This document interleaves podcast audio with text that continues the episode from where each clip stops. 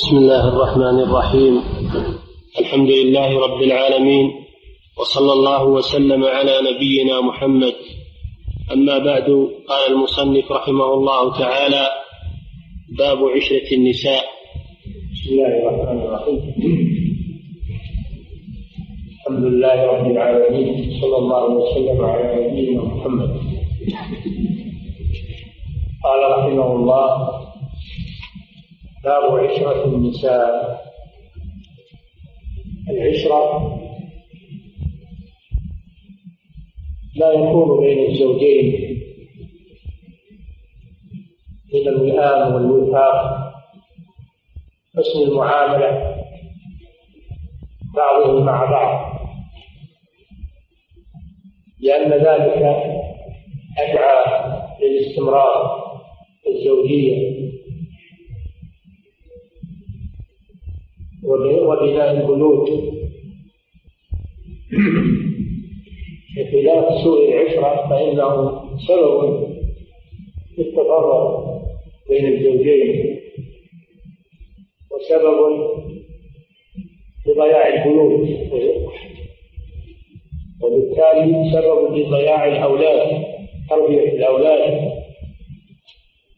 إذا تفرق الزوجان وبينهما أولاد ضاعوا العشرة حسن العشرة فيها خير كثير وذلك بأن يؤدي الزوج لزوجته حقوقها التي أوجبها الله عليه وتؤدي الزوجة لزوجها حقوقه التي أوجبها الله عليها مع انقياد النفس. وراحة البال. ولا يكون في هذا تمنن ولا يكون فيه ترفع من بعضهم على بعض.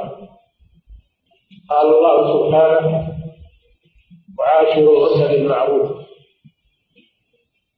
قال سبحانه ولهن مثل الذي عليهن بالمعروف وللرجال عليهن درجة.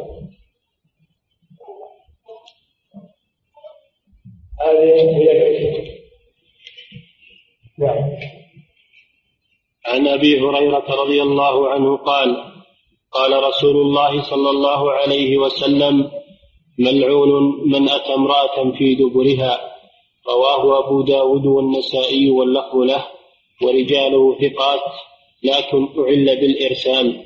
نعم. وعن ابن عباس رضي الله عنهما قال قال رسول الله صلى الله عليه وسلم لا ينظر الله إلى رجل أتى رجلا أو امرأة في دبرها. رواه الترمذي والنسائي وابن حبان وأعل بالوقف. من فساد العشرة فعل المحرم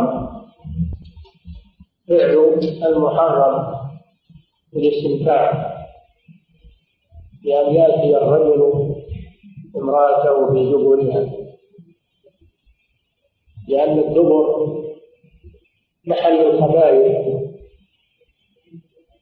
وأيضا ليس هو محل الحرب الذي هو النسل قال الله جل وعلا نساؤكم حرث لكم فأتوا حرثكم أن شئتم. فمحل الوقف هو هو القبل قبول المرأة.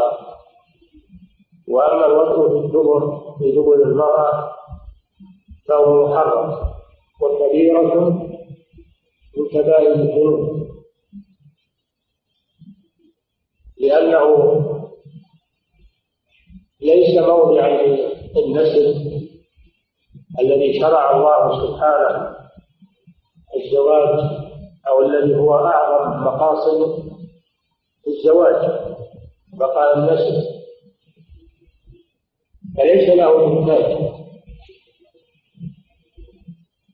وهذا يتنافى مع مقاصد الزواج. والأمر الثاني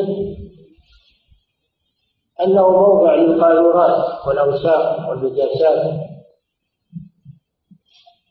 الإسلام جاء بالنظافة والطهارة. ولهذا لما نهى لوط عليه السلام قومه عن فعل الفاحشة في الدبر في الرجال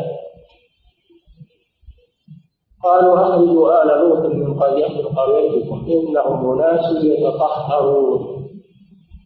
دل على أن فعل اللواط وفعل الجماع بالدبر أنه نجاسة وأن تركه طهارة إنهم أناس يتطهرون ذموهم بما هو مدح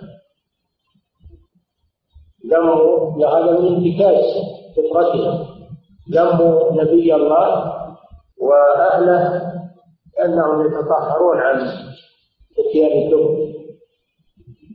دل على أن فعله نجاسة وخبث وثالثا أن الإتيان في الدبر يوجد, الأمراض الفتاكة اللواط سبب للأمراض الفتاكة ومصداق ذلك ما حدث في هذا الزمان من مرض الإيدز الذي روع العالم وبسبب اللواط سبب الزنا إتيان النساء غير المحافظات على فروجهن اختلاط المياه واختلاط اختلاط الرجال على هذه المرأة يسبب المرض سبب مرض الإيد وأشد منه اللواط. لأنه موضع قذارة موضع فحش الله حكيم عليم سبحانه ما حرمه إلا لما فيه من من الأضرار البالغة. فإتيان المرأة بدبرها تتوفر فيه هذه المضار القبيحة. ولهذا صار كبيرا من كبائر الذنوب. استوجب اللعن. استوجب اللعن ملعون. واللعن هو الطرد. والإبعاد عن رحمة الله.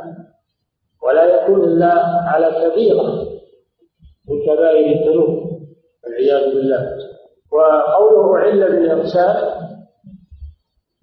المرسل هو ما سقط منه الصحابي ما رواه التابعي عن رسول الله صلى الله عليه وسلم بدون ذكر الصحابي. هذا معنى المرسل. وقوله علة هذا دليل على أنه ما هو مجمع على أنه مرسل. هو علة يعني لعله بعضه ويؤيد هذا أن اللعن لا يكون إلا بتوقيت من الشارع دل على أن له حكم الرفض. لا أحد يتجرأ أن يقول فلان ملعون أو من فعل كذا وهو ملعون بدون أن يكون ذلك صادرا عن رسول الله. صلى الله عليه وسلم. في الحديث الثاني لا ينظر الله إلى رجل أتى رجلا. هذا اللواء والعياذ بالله. هذا اللواط. أو امرأة في دبرها. وهذا وعيد شديد. لا ينظر الله إليه. هذا معناه الغضب من الله سبحانه وتعالى. لا ينظر إليه. نظر رحمة يسقط عليه. وكون الله لا ينظر إليه هذا دليل على أنه كبيرة من كبائر الذنوب. كما قال تعالى إن الذين يشترون بعهد الله وأيمانهم ثمنا قليلا أولئك لا خلاق لهم في الآخرة ولا يكلمهم الله ولا ينظر إليهم يوم القيامة. لهم عذاب أليم. قول الله لا ينظر إليه هذا يدل على شدة تحريمه. وأنه من كبائر الذنوب وقرنه قرنه صلى الله عليه وسلم مع إتيان الرجل فدل على أنه على أنه يأخذ حكم اللواط أنه قبيح. فيجب تجنب هذا الشيء والحذر منه ومن وقع فيه عليه التوبة إلى الله عز وجل. وعدم الرجوع إلى مثل هذه الجريمة وإذا تكرر منه يعزر. إذا ثبت عليه إنه يعزر تعزيرا بليغا. فإن لم يرتدع ولم يمتنع فإنه يفصل بينهما. يفصل بينه وبين المرأة. أنه لا يصلح أن تبقى معه. فيتدخل القاضي ويفرق. يفرق بينهما. إن لم يتب فيترك هذه الجريمة الشنيعة ولا يجوز تركه يستمر على هذا. نعم. وعن أبي هريرة رضي الله عنه عن النبي صلى الله عن النبي صلى الله عليه وسلم عن النبي صلى الله عليه وسلم قال من كان يؤمن بالله واليوم الآخر فلا يؤذي جاره واستوصوا بالنساء خيرا فإنهن خلقن من ضلع وإن أعوج شيء في الضلع أعلاه فإن ذهبت تقيمه كسرته وإن تركته لم يزل أعوج فاستوصوا بالنساء خيرا. متفق عليه. واللفظ للبخاري ولمسلم فإن استمتعت بها استمتعت بها وبها عوج وإن ذهبت تقيمها كسرتها وكسرها طلاقها. نعم هذا الحديث فيه مسألتان المسألة الأولى تحريم هذا الجار. قال صلى الله عليه وسلم من كان يؤمن بالله واليوم الآخر فلا يؤذي جاره. فدل على أن هذا الجار يتنافى مع كمال الإيمان. لا ينافي الإيمان بالكلية لا يكون كافرا ولكن يكون ناقص الإيمان. يكون ناقص الإيمان. والأذى محرم مطلق. الأذى محرم في المسلمين والذين يؤذون المؤمنين والمؤمنات بغير ما اكتسبوا. فقد احتملوا بهتانا واثما مبينا. الأذى محرم مطلقا. ولكن إذا كان مع الجار فهو أشد. أو أشد تحريما. لأن الجار له حق من جملة الحقوق العشرة. مذكورة بقوله تعالى واعبدوا الله ولا تشركوا به شيئا. وبالوالدين إحسانا وبذي القربى واليتامى والمساكين والجار ذي القربى والجار الجنب الصاحب بالجنب وابن السبيل وما ملكت أيمانكم. وجعل للجار حقا. النبي صلى الله عليه وسلم يقول ما جاء جبريل يوصيني بالجار حتى ظننت أنه سيورثه. فلا يجوز للجار أن يؤذي جاره بأي نوع من أنواع الأذى. الأذى بالقول ان يتكلم عليه يسبه أو أن يتعدى منه ضرر على جاره. يعني يستعمل في بيته ما يؤذي جاره من رفع الأصوات أو كثره الحركات التي تقلق الجيران وأشد من ذلك يستعمل في بيته المنكرات التي تؤذي الجار كرفع الأصوات الأغاني والمزامير أو أن يؤذيه بالطوائف الكريهة أو أن يحدث في بيته ما يتعدى ضرره على الجار كأن يغرس الشجرة تمتد أغصانها على الجار أو يجعل فيه أصواتا مزعجة كأن يجعل فيه مكاين لها ضجيج ولها جو يشغلها على الجيران أو يضل على جاره وينظر من خلال من خلال الجدران أو من خلال النوافذ يطلع على جاره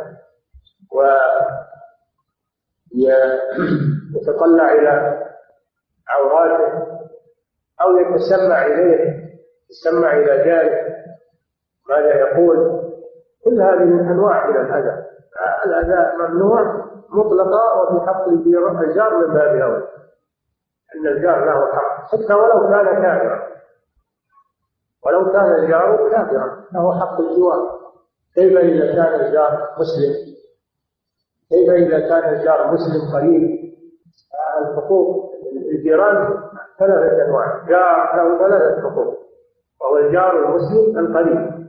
له حق الجوار وحق الإسلام وحق القرابة وجار له حقان وهو الجار المسلم غير القريب. له حق الجوار وحق الإسلام. وجار له حق واحد وهو الجار غير المسلم له حق الجوار. كان يؤمن بالله واليوم الآخر فلا يؤذي جاره هذه المسألة الأولى. المسألة الثانية وهي محل الشاهد للباب استوصوا بالنساء خيرا. استوصوا أي اقبلوا وصية الرسول صلى الله عليه وسلم النساء. استوصوا بهن خيرا.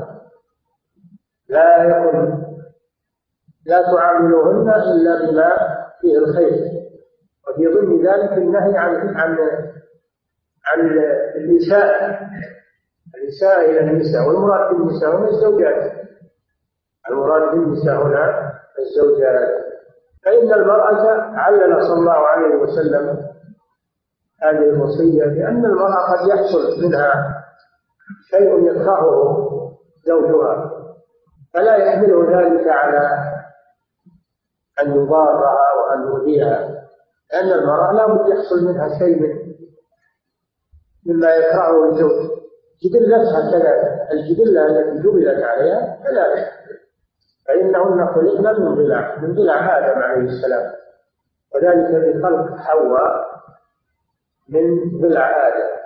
كما قال تعالى وخلق منها زوجها يا حواء. خلقكم من نفس واحدة وخلق منها زوجها حوله وبين النبي صلى الله عليه وسلم في هذا كيف أن الله خلق حواء من آدم؟ خلقها من من ضلع من ضلع آدم عليه السلام. الله على كل شيء قدير. كما أنه يخلق البشر من الماء وخلق آدم من تراب فإنه يخلق المرأة من الضلع يخلق خلق حواء من الضلع الله على كل شيء قدير. لا يعجزه شيء سبحانه وتعالى. وإن أعوج شيء في الضلع أعلاه دل على أن المرأة فيها عوج. هذا تشبيه منه صلى الله عليه وسلم. تشبيه لأن المرأة لا بد يكون فيها شيء مما يخافه الزوج. وهذه جبلة فيها كما أن الضلع أعوج كذلك المرأة يكون فيها عوج وإن أعوج شيء في الضلع أعلاه فإن استمتعت به فإن فإن فإن ذهبت تقيمه. إن ذهبت تقيم الضلع كسرت وإن تركته فلا يزال أعوج. وهذا هذا مثال لتعامل الرجل مع امرأته مع ما فيها من مع ما فيها من سوء الطبع إن ذهب يربيها ويطلب تعديل هذه الجبلة التي فيها كسرها في الرواية الثانية رواية مسلم وكسرها طلاقها. كسرها طلاقها. وإن استمتعت بها استمتعت بها وفيها عوض.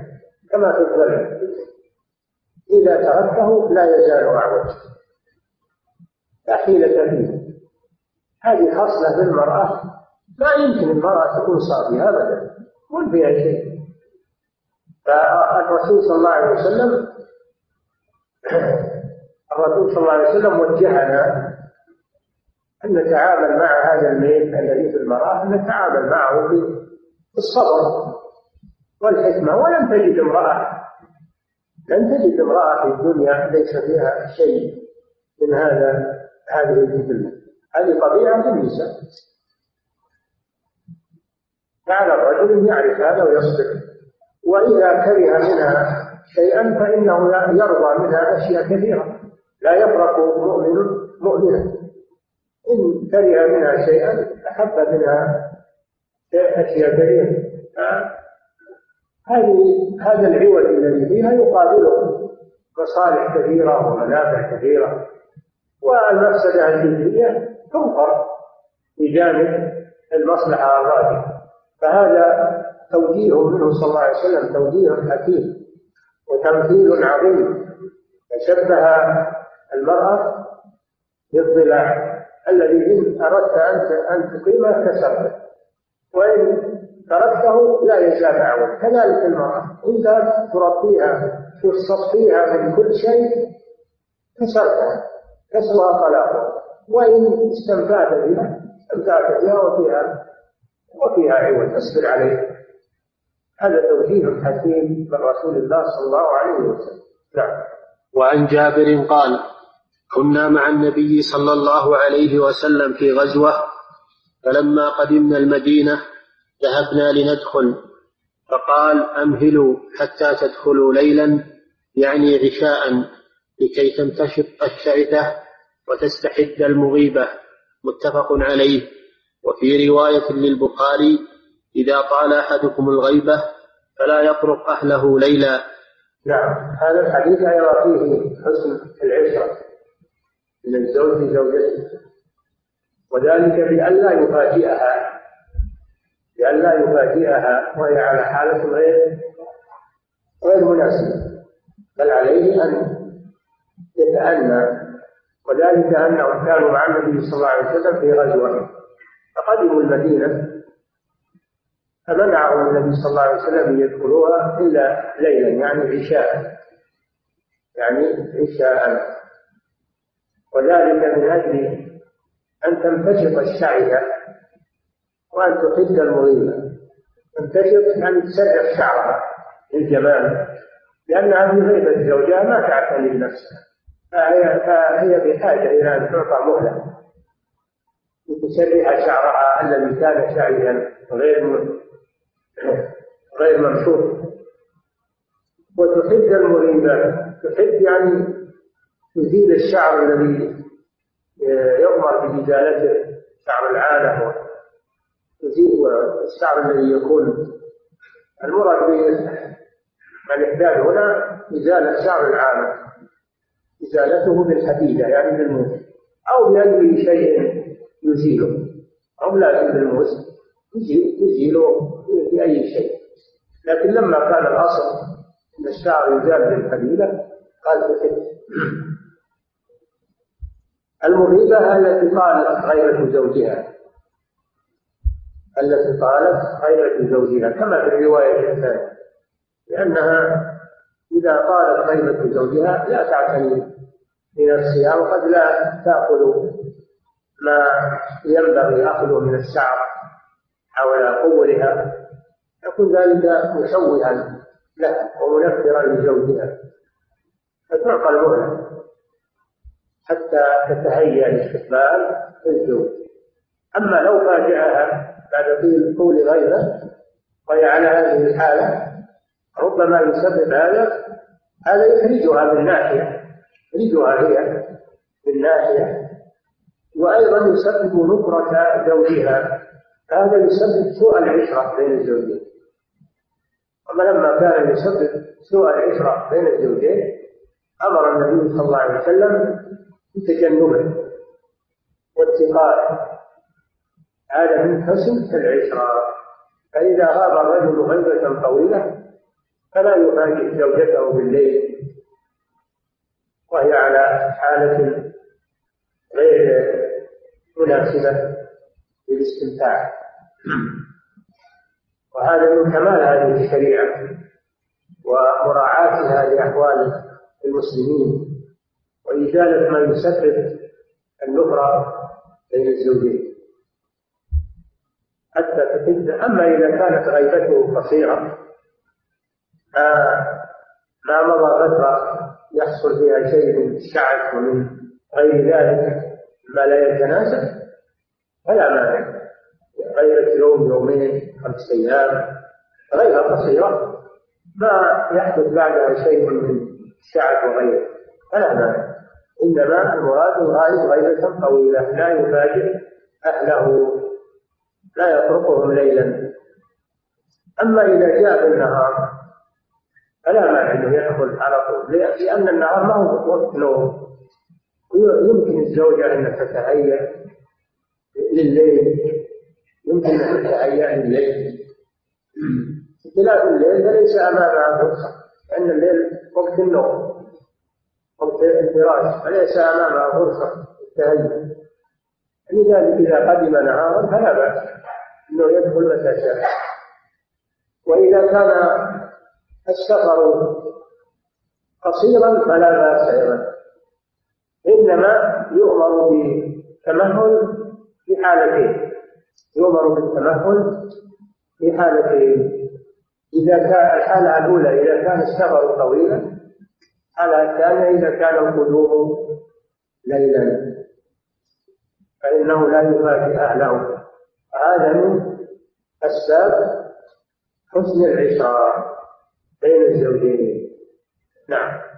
وعن أبي سعيد الخدري رضي الله عنه قال قال رسول الله صلى الله عليه وسلم إن شر الناس عند الله منزلة يوم القيامة الرجل يفضي إلى امرأته وتفضي إليه ثم ينشر سرها. أخرجه مسلم. نعم. من شر الناس يعني أكثرهم شرا. شر عن توحيد أصلها أشر الهمزة. ثم حذفت الهمزة تخفيفا. شر الناس أي أشر الناس. منزلة عند الله يوم القيامة. الرجل يفضي إلى زوجته يعني يخلو معها ويضاجعها. ويحصل بينهم كلام كلام سري. يحصل بينهم نظر بعضهم إلى بعض مما أباح الله لهم خاصة دون غيرهم. ينظر بعضهم إلى عورة بعض ويحصل ما يحصل فعل واستمتاع جماع هذه أمور سرية. لا يجوز للرجل أن يتحدث عنها. فيفرح زوجته. قالت كذا فعلت فيها كذا رأيت فيها كذا وما أشبه ذلك. هذا هذا أمور سرية فإفشاؤها من سوء العشق وكذلك هي. هي أيضا لا تتحدث بهذا هذه أمور سرية خاصة للزوجين. لا يجوز إفشاؤها بما يترتب على ذلك من الإساءة إلى زوجته. إن كان هو الذي يفشى السر أو الإساءة إلى زوجها إن كانت هي التي أفشت السر. كما يدور ما يدور بين الزوجين من الاستمتاع والخلوة أمور تدور بينهما فقط. ولا يجوز إخبار الناس إخبار الناس بها فمن فعل ذلك فهو من شر الناس عند الله سبحانه وتعالى. هذا وعيد شديد. هذا مما تبقى معه العشرة مما تبقى مع ملاحظته وتجنبه. مع ملاحظته وتجنبه سبب لبقاء العشرة وعدم تجنبه سبب لسوء العشرة بين الزوجين. ومن حقوق الزوجة عليك أن تكتم أسرارها. ومن حقوق الزوج على زوجته أن تكتم أسراره. لا يتحدث بها. قالوا إلا إذا دعت إلى ذلك ضرورة. إذا تخاصموا قالت إنه ما يجامع.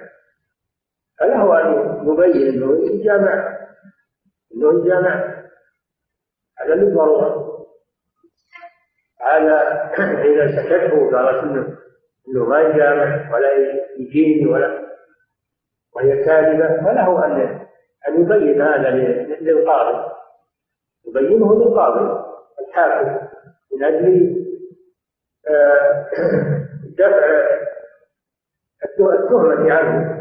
وكذلك هي إذا كانت تتمنع عليه تسيء إليه وشكاها إلى الحاكم فله أن يبين ما يحصل منها في حال إفضائه إليها من أجل أن أن يزال هذا الضرر. هذا للضرورة ذكره عند الحاكم لأجل الضرورة. وإذا لم تدعو ضرورة فالأصل التحريم أن هذا لا يجوز التحدث. عنه لأن بعض الناس الأشرار الذين لا أخلاق لهم يتبجحون بهذه الأمور ويحثون أصحابهم وجلساءهم بما يدور بينهم. هذا إفشاء للسر وخيانة للأمانة ومسبب لسوء العشرة بين الزوجين. نعم. وعن حكيم بن معاوية عن أبيه رضي الله عنه قال قلت يا رسول الله ما حق زوجنا ما حق زوج أحدنا عليه؟ قال تطعمها إذا أكلت وتكسوها إذا اكتسيت ولا تضرب الوجه ولا تقبح ولا تهجر إلا في البيت. رواه أحمد وأبو داود والنسائي وابن ماجه وعلق البخاري بعضه وصححه ابن حبان والحاكم. حكيم بن معاوية بن حيدر. ومعاوية بن حيدر صحابي. وابنه حكيم تابع يبان حفيده لذلك يأتي بعض الروايات عن بهز بن حكيم عن أبيه عن جده. بهز بن حكيم. حكيم ابن معاوية بن حيدر. معاوية بن حيدر صحابي. مثل عمرو بن شعيب عن أبيه عن جده. وجده هو عبد الله بن عمرو بن العاص رضي الله عنه. نعم. أنه أنه أن أنه سئل النبي صلى الله عليه وسلم ما يجب للزوج؟ يعني الزوجة حجبت التاء حجبت التاء كما قال تعالى خلقكم من نفس واحدة وخلق منها زوجها. بدون ما قال زوجتها خلق منها زوجها. ما جاء بالتاء المراد بالزوج هنا الزوجة. وهذه لغة القرآن واللغة العربية. أما الزوجة بالتاء هذه عند الغرضيين يقول. يأتون بالتاء فرقا بينها وبين الزوج. أما في اللغة وفي القرآن فإن الزوجة بدون زوج. فقال تطعمها إذا أكلت. وتكسوها إذا اكتسيت. ولا تضرب وجها ولا تقبح ولا تهجر إلا في البيت. هذه من حقوق المرأة على زوجها. أنه يطعمها مما يأكل لا يكلف شيء ما يستطيعه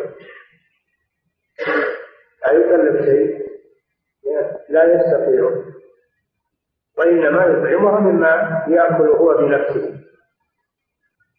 ولا يكلف أن يجيب لها شيء ما ما يأكله ولا يستطيعه هذا من عدل الإسلام. اسكنوهن من حيث سكنتم من وجدكم ينفق ساعة من ساعته ومن قدر عليه رزقه فلينفق مما آتاه الله. لا يكلف الله نفسا إلا ما آتاها. فيطعمها مما يطعم هو إذا أطعمها مما يطعم هو هذا هو العدل. أما أنه يأكل شيء ويعطيها شيء دونه هذا ظلم ويخص نفسه بأكل طيب ولذيذ وهي يحرمها ولا يجيب لها إلا طعام آه، يسير أو طعام آه، أقل مما يأكله هو فهذا من الظلم. بل يساويها بنفسه هذا هو العدل. هذه واحدة. الثاني يكسوها مما يلبس. كذلك الملبس. يكسوها مثل ما يكسو نفسه. من المتوسط أو من ما يلبس الفقير إن كان فقيرا أو مما يلبس الغني إن كان غنيا. يسويها بنفسه بالكسوة. إن كان غني يكسوها كسوة غني. إن كان فقير يكسوها كسوة فقير. إن كان متوسطا يكسوها كسوة المتوسط فيساويها بنفسه. ولا يلبس هو الأشياء الفاخرة والثمينة ويلبسها الأشياء الرديئة والأشياء الناقصة هذا ظلم. ولا يقبح بالكلام يقول قبحك الله أخزاك الله لعنك الله أو ما أشبه ذلك. لا يستعمل الكلام النابي بل يستعمل الكلام الطيب. وقولوا للناس حسنا. هذا عموم الناس يقول لهم كلام طيبا فكيف بامرأته وعشيرته؟ فيقول لها كلاما طيبا لا يقول لها كلاما سيئا. تقبيح واللعن والسب والشتم. هذا يسبب سوء العشرة بين الزوجين. ولا يضرب الوجه. الله جل وعلا يقول واللاتي تخافون نشوزهن فعظوهن واهجروهن في المضاجع واضربوهن فإن أطعنكم فلا تبغوا عليهن سبيلا. إن الله كان عليا كبيرا. فإذا نشدت الزوجة والنشوز معناها أن تمتنع مما يجب عليها. هذا هو النشوز النشوز أن تمتنع المرأة مما يجب عليها لزوجها. من بذل ما يجب عليها لزوجها فإذا رأى منها ذلك هناك حلول بينها الله سبحانه وتعالى بالتدريج يفعل الأسهل فالأسهل أولا الموعظة. يعظها ويخوفها بالله عز وجل ويبين الوعيد الوارد في حق المرأة إذا أغضبت زوجها أو منعت شيئا من حقوقه لأن هذا وعي كما يأتي يأتي إن إن المرأة التي يبيت زوجها ساخطا عليها أنها تلعنها الملائكة حتى تسلم فيبين لها ما ورد من الوعيد في حق المرأة الناس. لعلها تتوب ترتدع. فإن لم يجزي إن لم يجزي الوعد. استمرت فإنه يهجرها والهجر الترك يعني يترك كلامه ما يكلمها. وأيضا يهجروهن في المضاجع. قيل إنه لا ينام معها في الفراش ينام على فراش آخر.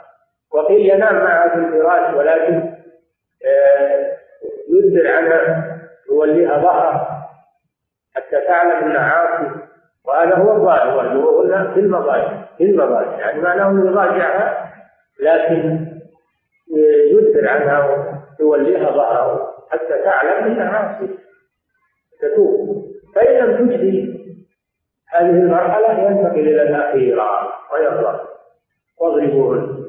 فللزوج أنه يضرب زوجته على معصيتها له إذا لم تجدي فيها النصيحة ولم يجدي فيها الهجر ينتقل إلى الضرب. ويكون الضرب غير مبرح. يعني لا يكسر عظما ولا يشق جلدا. يكون ضربا غير مبرح. ولا يزيد على عشرة أشواط لأنه ما يزاد على عشرة أشواط إلا في حدود. فيضربها ضربا غير مبرح. ويتقي الواجب إذا ضربها يضربها من أي موضع من بدنها إلا الوجه. لأن الوجه مجمع الحواس. فإذا لو ضربها مع وجهها ربما يؤدي هذا إلى فقدها البصر أو إلى فقدها السمع أو غير ذلك. فيتجنب الوجه. ويضربها في غير الوجه. فالضرب لا يصار إليه إلا إذا استنفذ ما قبله من المراحل وأيضا لا يزاد فيه عن الحد المطلوب ولا يسرف في الضرب وأيضا يتجنب الوجه. لا يضرب في الوجه ولا يجوز الضرب في الوجه للمرأة ولا لغيرها حتى الجواب الدواب ما يجوز أن تغرق على وجوهها أو أن تكوى أو توسم على وجوهها. الدواب أيضا لا يحصل في وجوهها فكيف ببني آدم؟ فكيف بالمرأة الزوجة؟ لا يرى بالوجه بحال من الأحوال؟ نعم. ولا تهجر إلا في البيت. عرفنا. ما يهجر ما يهجرها ويخرج من البيت يصير بيت ثاني.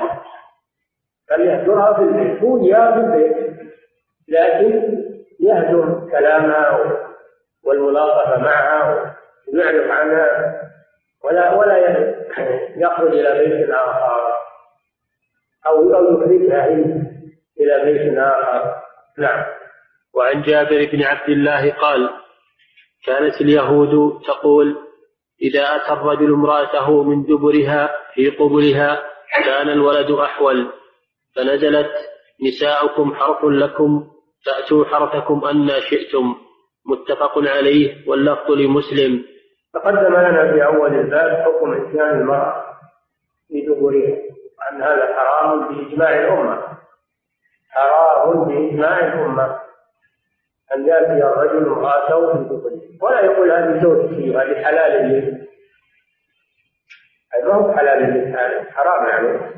فلا يأتيها في في دبرها. هذا في إجماع الأمة. وإنما يأتيها في القبل في موضع الحرب نساؤكم حرب لكم. أي موضع النسل والولادة. فأتوا حرثكم وهو القبل أن شئتم يعني من أي جهة مقبلة أو مدبرة يأتيها من دبرها لكن يكون العلاج في القبل يكون العلاج في القبل لا مانع من ذلك. أو يأتيها من أمامها أو واقفة أو جالسة أو على أي حال أن الله باح له ذلك. فأتوا حرثكم أن شئتم. أي من أي جهة؟ من أي جهة شئتم. لأنها امرأة تستمتع بها لكن شيء واحد هو المحرم عليه وهو الجماع في الفرج في, الجماع في الدبر. هذا محرم عليه. أيضا إذا كانت حائضا قد حرم الله عليه جماعها في في القبر. فالقبر حلال إلا في حالة الحيض والنفاس. ويسألونك عن المحيض قل هو هذا. اعتزلوا النساء في ولا تقربوهن حتى يطهرن. يعني ينقطع الحيض فإذا تطهرن لا انقطاع الحيض. أتوهن من حيث أمركم الله. من حيث أمركم الله. شوف. وهو الإتيان بالقبور في هذا نهي عن إتيانهن في محل لم يأمر الله به وهو وهو الدبر والعياذ بالله. فدل هذا على أن للرجل أن يجامع زوجته في قبولها من أي جهة كان وأباح الله له ذلك. وأن يستمتع بكل بدنها. إلا الإيلاج بالدروع فإنه حرام. وإلا الجماع في حالة الحيض النفاس فإنه حرام. وحتى في حالة الحيض والنفاس إنما يتجنب القبل فقط وله أن يستمتع ببقية جسمها. كما كان النبي صلى الله عليه وسلم يأمر زوجته وهي حائض تتزن يعني تضع الإزار على فرجها فيستمتع بها صلى الله عليه وسلم ويضاجعها يجوز للرجل يستمتع من زوجته الحائض أو النفساء فيما عدا الجماع في في محل مخرج الحيض تجد النساء في المحيض يعني مخرج الحيض. وأما موضع الدبر هذا حرام. دائما وابدا. الدبر حرام دائما وابدا. في حالة الحيض وفي حالة الطهر دائما وابدا. لا يحل وإنما محل الجماع هو القبل ولا يحرم إلا في حالة الحيض أو حالة النفاس فقط. كانت اليهود تعارض في هذا. اليهود الذين كانوا في المدينة. اليهود الذين كانوا في المدينة يعارضون بهذا إن الرجل يأتي امرأته في قبلها من دبره ويقولون إنه إذا فعل ذلك يأتي الولد أحول. الحول هو عيب في العينين أن يكون الإنسان ينظر إلى أعلى يكون نظره إلى أعلى بياض في عينه. فهذا هو الحول. وهذا كذب من اليهود. هذا كذب من اليهود. واختراع من عندهم. الله جل وعلا يقول فاتوا حرمكم الناشئ لا يحرم من المرأة إلا ما حرمه الله سبحانه وتعالى. فتحريمه من اتيان المرأة في قبلها من جهة قفاها هذا اختراع من عندهم. كذب على الله. فأنزل الله تكذيبهم بقوله نساؤكم حرث لكم فأتوا حرثكم أن شئتم. هذا تكذيب لليهود في هذه المقالة التي ما أنزل الله بها من سلطان. فدل هذا على أن من حق الزوج أنه يأتي زوجته من أي جهة لكن بسباب واحد وهو القبر. نعم.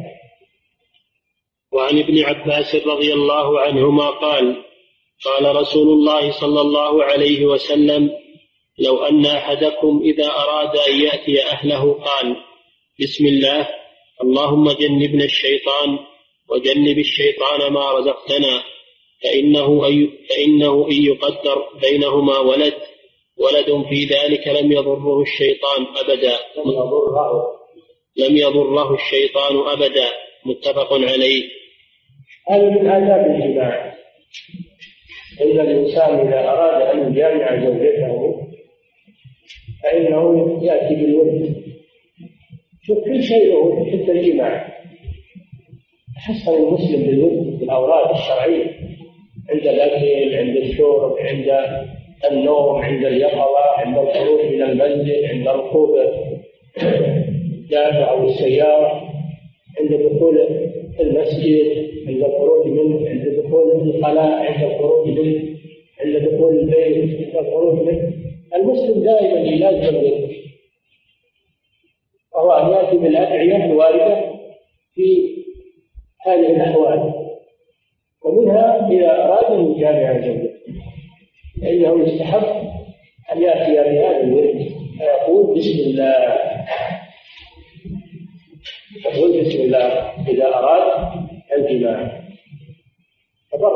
تبركا بسم الله طردا للشيطان. ثم يدعو ويقول اللهم جنبنا الشيطان. يعني أبعده عنا. وجنب الشيطان ما رزقتنا يعني من الولد. ودل على أن طلب الولد هو المقصود.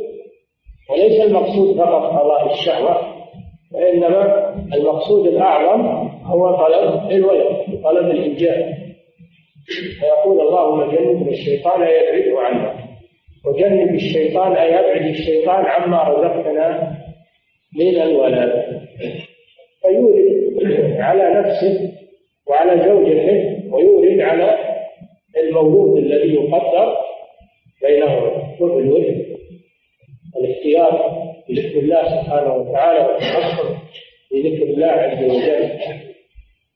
فيه من الخير. ما ما ذكره صلى الله عليه وسلم فإنه إن يقدر بينهما مولود لم يضره الشيطان. إذا دعا بهذا الدعاء فإن الله يعصم المولود بأن يضره الشيطان في دينه. وقيل أيضا وفي بدنه. الشيطان لا يضر آه، المولود الذي حصن الذي حصن بهذا الدعاء. أما إذا لم لم يأتي بهذا الدعاء فإنه حري أن الشيطان يلابسه ويجامع معه زوجته و ولا يجنبه الشيطان وأن يضر المولود ويتسلط عليه. دل على فائدة ذكر الله عز وجل فائدة الدعاء وعظيم نفعه حتى عند الجماع. وفيه هذه الفائدة العظيمة. نعم. وعن أبي هريرة رضي الله عنه عن النبي صلى الله عليه وسلم قال إذا دعا الرجل امرأته إلى فراشه فأبت أن تجيء فبات غضبان لعنتها الملائكة حتى تصبح متفق عليه واللفظ للبخاري ولمسلم كان الذي في السماء ساخطا عليها حتى يرضى عنها. من أعظم حقوق الزوج على زوجته أنها أنها تجيبه إذا دعاها للفراش لأن هذا من أعظم مقاصد الزواج. قضاء الوطر قضاء الوطر من أعظم منافع الزواج لها له ولها. وفيه إعمال الفرج وغض البصر كما قال صلى الله عليه وسلم يا معشر الشباب من استطاع منكم الباء فليتزوج فإنه أغض للبصر وأحسن للفرج فإذا دعاها لهذا العمل الذي فيه هذه المصالح العظيمة يجب عليها أن تجيبه. فورد ولو كانت على التنور لو كانت على التنور وفي حديث آخر ولو كانت على ظهر قسم على ظهر قسم يعني على ظهر البعير راكب. إذا دعاها على أي حال فإنها يجب عليها أن تجيبه. هذا من حقوقه عليها. وهو أيضا من مصلحتها هي أن فيه إعفافا لها وحماية لها من الفاحشة. هذا مشترك نفعه بين الزوجين. وفيه أيضا تسبب حصول الولد بينهما. وفيه إحسان للعشرة وبقاء الزوجية بينهم. فيه مصالح عظيمة. فلا يجوز لها أن تمتنع منه. هذا من حقه عليها. كما أن من حقها عليها من جامعها. فلو ترك جماعها وطالت المدة فلها أن تطالب. يعني هذا حق. حق الله لها عليه. فهذا مقصد عظيم من مقاصد الزواج لا يسوغ لها أن تمتنع. وتعطل هذه المنافع كلها من أجل من أجل ما في المرأة من من سوء خلق. يجب عليها أن تمتثل فإن امتنعت لعنتها الملائكة حتى تسلم أي دعت عليها الملائكة باللعنة حتى تسلم وذلك بأمر الله سبحانه وتعالى. الملائكة لا تلعنها إلا بأمر الله. واللعن هو الطرد والإبعاد عن رحمة الله. ولا يكون إلا على كبيرة من كبائر الذنوب. ودل على أن امتناع المرأة من زوجها إذا دعاها بالفراش ليس لها عذر يمنعها أن ذلك من كبائر الذنوب. المستوجبة للعنة الملائكة. ولعنة الملائكة مجاهدة وفي رواية كان الذي في السماء فهم الملائكة لأن الملائكة في السماء. والله جل وعلا في السماء ساخما عليها يعني غضبان عليها إذا غضب عليها من في السماء هذا دليل على أنها فعلت محرما عظيما.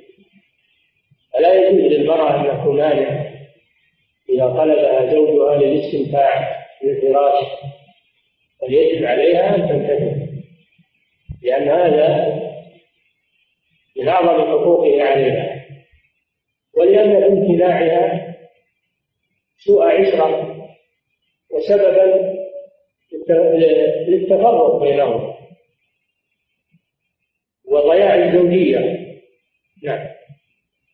وعن ابن عمر رضي الله عنهما أن النبي صلى الله عليه وسلم لعن الواصلة والمستوصلة والواشمة والمستوشمة. متفق عليه. المرأة مطلوب منها التزين لزوجها مطلوب منها التزين بما أباح الله سبحانه وتعالى. ولا تتزين بما حرم الله. ومن ذلك الوصل وصل الشعر بشعر. تأتي بشعر من غيرها وتصله بشعر رأسها كأنه كأنه منها وهو من غيرها. في هذا غش تدليس. ولا يجوز. وهذا كبيرة من كبائر الذنوب. لأن النبي صلى الله عليه وسلم لعن الواصلة وهي التي تفعل الوصل والمستوصلة وهي التي تطلب التي تطلب من غيرها أن يصل شعرها بشيء من الشعر. فلعن الواصل والمستوصل وهذا يدل على أن الوصل كبيرة من كبائر والوصل عرفناه أن تصل شعرها بشعر آخر. ليس لها وكذلك النامصة لعن النامصة والمتنمصة والنامصة هي التي تأخذ شعر حاجبيها. والمتنمصة هي التي تطلب هذا تطلب من غيرها أن يأخذ شعر حاجبيها. كل منهما ملعون على لسان رسول الله صلى الله عليه وسلم. وذلك لأن هذا من تغيير خلق الله سبحانه وتعالى الذي تعهد الشيطان به وقال ولآمرنهم فلا يغيرن خلق الله. والواشمة والمستوشمة الواشمة الوشم هو أن تحط جلدها بإبرة تغرز تغرز جلدها بإبرة حتى يسيل الدم ثم تأتي بالكحل تضع في هذا المهرز من أجل أن يبقى لونه أخضر أو أزرق. وقد تسق الجلد مستقيلا فتضع فيه هذا هذا الكحل أو هذه المادة. فتبقى خطا في كفها أو في ذراعها. هذا هو الوشم وهذا من فعل الجاهلية وهو من تغيير خلق الله سبحانه وتعالى. وهو من كبائر الذنوب. فلا يجوز للرجل ولا للمرأة هذا الوشم وإذا كان هذا الوشم رسم شيء من شعائر من شعائر الكفار فهو أشد مثل ما يرسمون الصليب. النصارى يرسمون الصليب في أجسادهم الوشم هذا أشد لأنه شعار الشرك والكفر بالله عز وجل. وإن لم يكن فيه شيء من شعائر الكفار فهو محرم وكبيرة من كبائر الذنوب فلا يجوز بأي حال من الأحوال.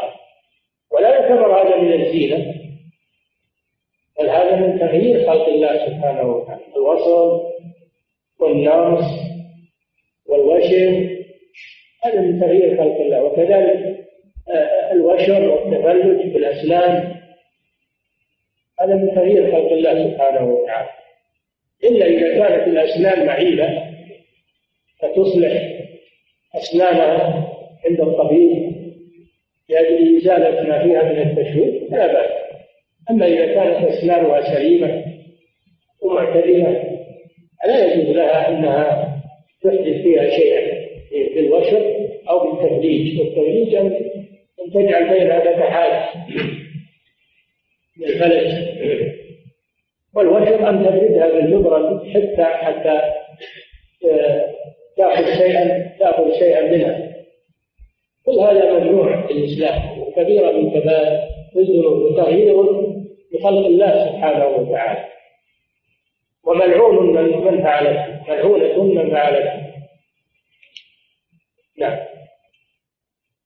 وعن جذامة بنت وهب رضي الله عنها قالت حضرت رسول الله صلى الله عليه وسلم في أناس وهو يقول لقد هممت أن أنهى عن الغيلة فنظرت في الروم وفارس فإذا هم يغيلون أولادهم فلا يضر ذلك أولادهم شيئا.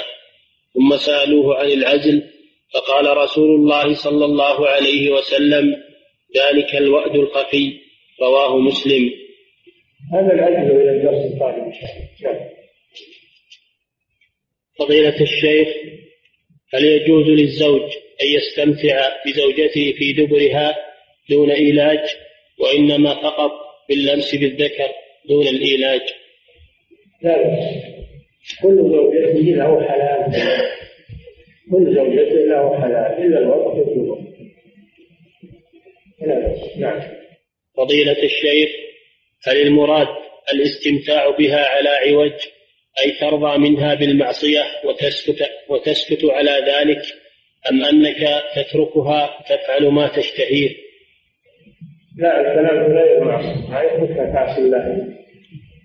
كلام عوج يعني في الطبع طبيعة يعني تخالفه في بعض الأمور ولا تأتي على مطلوب في كل في كل الأمور التي ليست من معصية الله سبحانه وتعالى. التي فيما بينه وبين زوجها فقط. ومعصية الله ولا يجوز له أن يقرها على ذلك نعم فضيلة الشيخ هل تسمية إتيان الرجل الرجل لواطا ممنوع؟ تسمية إتيان الرجل الرجل لواطا ممنوع حيث أن هناك من يمنع هذه التسمية بحجة بحجة أنها نسبة إلى النبي لوط عليه السلام. أعوذ بالله هذا كذاب هذا جاء مركب ما هو هذا منسوب إلى لوط عليه السلام. هذا لواء لواء واللي يفعل يسمى لوطي إلى اللواء. أما لوط عليه السلام هذا اسمه. علم عليه عليه الصلاة والسلام. وهو اسم أعجمي ولوط هو ابن أخي إبراهيم عم إبراهيم عليه الصلاة والسلام. أما فعل الفاحشة هذا يسمى لواط وهذا اسمه في الكتاب والسنة لواط وإتيان السلطان من العالمين. نعم. فضيلة الشيخ ما عدا دبر الزوجة أو قبلها في وقت الحيض؟ نعم. ما عدا دبر الزوجة أو قبلها في وقت الحيض؟ هل يجوز للزوج والزوجة استمتاع كل منهما بالآخر بأي شيء؟ نعم لا بأس للزوجين يستمتع بعضهما بالآخر إلا إذا حرم الله هو الوضع في الدبر أو الوضع في الفرج في حالة الحيض أو النفاس وما عدا ذلك فهو حلال. نعم فضيلة الشيخ ما القول الصحيح في حد اللوط سواء محصن أو غير محصن؟ صحيح أنه يقتل بكل حال هذا هو الصحيح. أو الذي يجمع عليه الصحابة رضي الله عنهم. الصحابة أجمعوا على أنه يقتل ولكن اختلفوا في كيفية قتله. ومنهم من يقول أنه يلقى من من شارع ويجمع بالحجارة كما حصل بقول لوط ومنهم من يقول أنه يحرق في النار. وقد حرق أبو أبو بكر وخالد بن الوليد حرقوا اللوطيه في النار ومنهم من يقول انه يقتل بالسيف وهذا هو المعمول به انه يقتل بالسيف على كل حال هو هذا هو الصحيح وهو الراجح في حده. نعم. يقتل الفاعل والمفعول به. ووجدتموه يعمل عمل قوم لوط فاقتلوا الفاعل والمفعول به. هذا هو الذي يجمع عليه الصحابة وعليه الأئمة المحققون وعليه العمل نعم. فضيلة الشيخ آمل شرح معنى قوله لا ينظر الله إليه من منظور عقدي. في إثبات النظر إلى الله وأنه ينظر إلى عباده نظر إكرام وإجلال ورحمة نعم. فضيلة الشيخ ما حكم وضع الرجل الكحل في عينيه؟ سواء للاستطباب أو التجمل. هذا سنة. أن الرجل يكتحل ولكن ما هو كل ليلة ليلة بعد ليلة. يكتحل وقول بالجسم أحسن. كما كان النبي صلى الله عليه وسلم يفعل الاكتحال سنة. نعم. فضيلة الشيخ ما حكم أخذ الرجل لشعر ظهره أو ساقيه؟ لا بأس. لا بأس أنه يأخذ شعر بدنه. والمرأة تأخذ شعر بدنها ما في بأس إنما الممنوع في حق الرجل يأخذ اللحية. يأخذ اللحية والعالي هذا محرم في حق الرجل. والمرأة أيضا محرم عليها النمص أو شعر الحاجبين. وفي شعر الوجه خلاف بين أهل العلم هل هو من النمص أو لا. وأما ما عدا ذلك سائر بدنها ساقيها ذراعيها آه، سائر بدنها لا نحتجب بالنورة أو غيره فالرجل كذلك له يفعل هذا بالنورة أو غيرها نعم لأنه لا, لا لم يدل دليل على المنع من ذلك نعم وكان الامام احمد رحمه الله يفعل كما روي عنه نعم فضيلة الشيخ ما رأي فضيلتكم في النهي عن الأصباغ التي تستخدمها المرأة الآن قياسا على تحريم الوشم الإطلاق لا بأس بها لا بأس أن تخلط بالتراب بشلة أو غيره إلا الأصباغ اللي تجمد على العضو أو على الأنقاض تمنع وصول الماء. هذه ممنوعة لا يجوز للمرأة تستخدمها لأنها تمنع الطهارة أما الأصباغ التي لا جرم لها ولا تتجمد ولا تمنع الماء فلا بأس أن المرأة تستعمل نعم. قضية الشيخ هل يهود المدينة بنو قريظة وقينقاع والنظير من أبناء إسرائيل أم أنهم عرب من قحطان لكن تهودوا؟ لا هم من بني إسرائيل.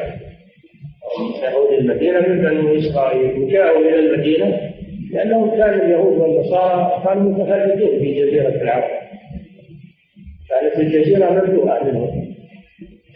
منهم من هو في المدينة ومنهم من هو في خيبر ومنهم من هو في نجران ومنهم من هو في جبل طيب في الجزيرة فلما جاء الإسلام جاء الجهاد في سبيل الله وانتصر الإسلام أمر النبي صلى الله عليه وسلم باخراجهم من جزيرة العرب وقال لا يبقى في جزيرة العرب دينا. فهم من بني إسرائيل اللي كانوا في المدينة من بني إسرائيل. نعم وجاءوا إليها ينتظرون النبي الذي سيبعث. جاءوا إلى المدينة أنهم وجدوا أن هذا النبي يكون مهاجروا إلى المدينة فجاءوا ينتظرونه. فلما بعث ورأوا أنه محمد صلى الله عليه وسلم وأنه من العرب حسدوا وكفروا به. فلما جاءهم ما عرفوا كفروا به حسدا.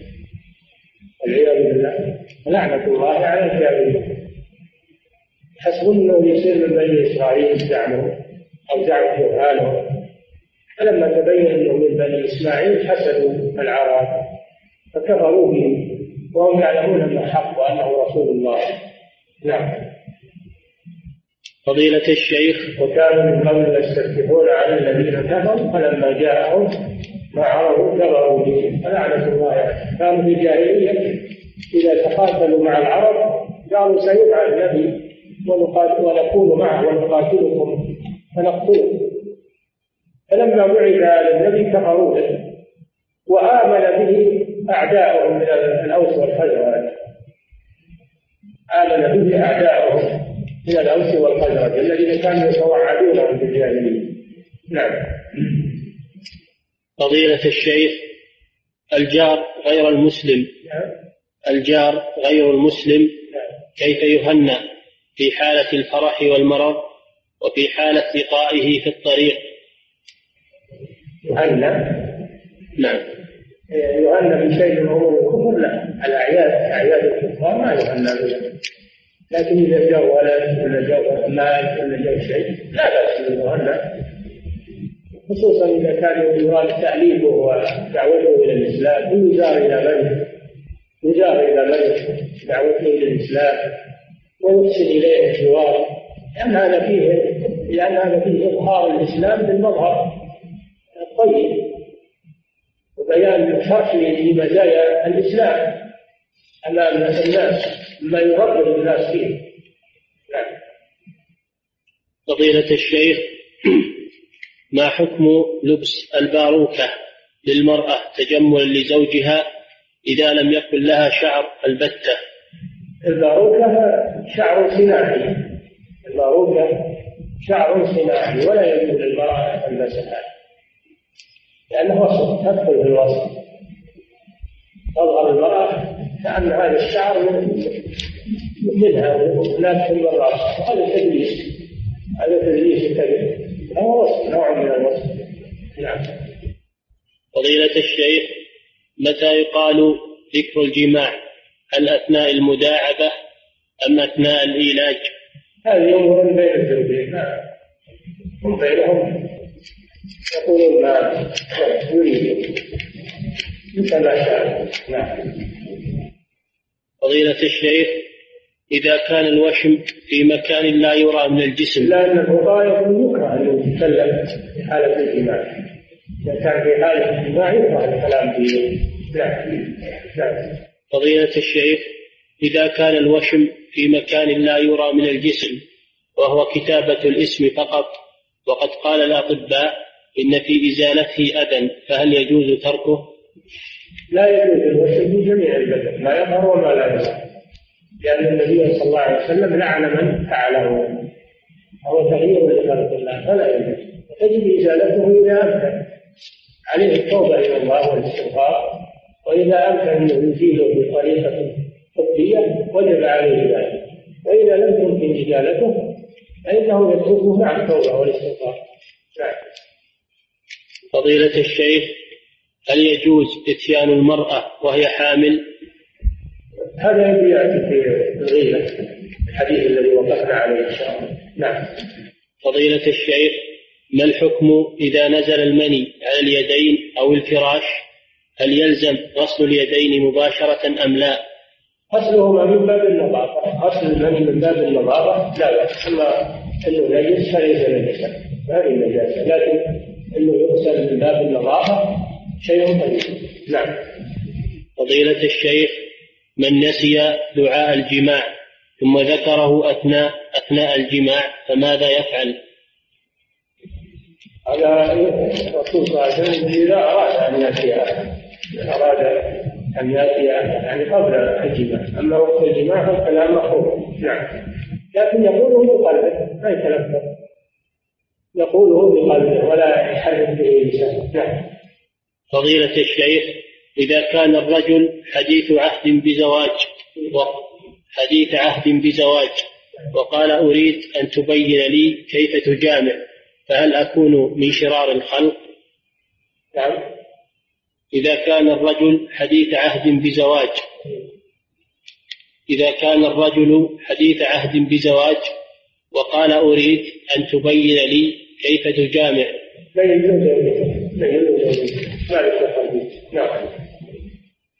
فضيلة الشيخ شخص دفع ثمن بضاعة.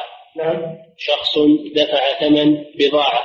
نعم قد اشتراها وقام ببيع تلك البضاعة إلى شخص آخر ولكنه قبل أن يملكها ملكا تاما. لا يجوز البضائع حتى يملكها ملكا تاما وحتى يقبضها قوله صلى الله عليه وسلم لأنه صلى الله عليه وسلم نهى عن بيع السلع حيث تبتاع حتى يحوزها التجار إلى رحالها لا بد من قبضها قبضا تاما واستيلائه عليها وإبعادها عن محل البائع ثم يبيعها بعد ذلك. فضيلة الشيخ ذكر أحد الإخوة في كلمة الله عن الذين يذادون عن الحوض يوم القيامة. ذكر أحد الإخوة في كلمة الله عن الذين يذادون عن الحوض يوم القيامة فذكر أن حالق لحيته ممن يذاد عن الحوض لأنه ممن أحدث بعد رسول الله صلى الله عليه وسلم وخالف سنته. المراد الذين يذادون والعياذ بالله أهل الردة الذين ارتدوا بعد الرسول صلى الله عليه وسلم. أما العصاة الذين لم يرتدوا عن الإسلام فلا يذادون عن الحوض. لأنهم مسلمون ومؤمنون وإن كان عندهم معاصي إنما الذي يذادون عن الحوض أهل الردة البدع التي تقتضي الردة والعياذ بالله. نعم. فضيلة الشيخ. في الرواية لا يزالون مرتدين على لا تدري ماذا أحدثوا بعد فإنهم لا يزالون مرتدين على أدبارهم. فضيلة الشيخ شخص أما الناس في منى صلاة العشاء قصرا ونسي أنه قاصر للصلاة فقام أما الناس في منى صلاة العشاء قصرا ونسي أنه قاصر للصلاة فقام للركعة الثالثة بعد التشهد ولم يقم معه المأمومون الذين كانوا ينتظرون السلام.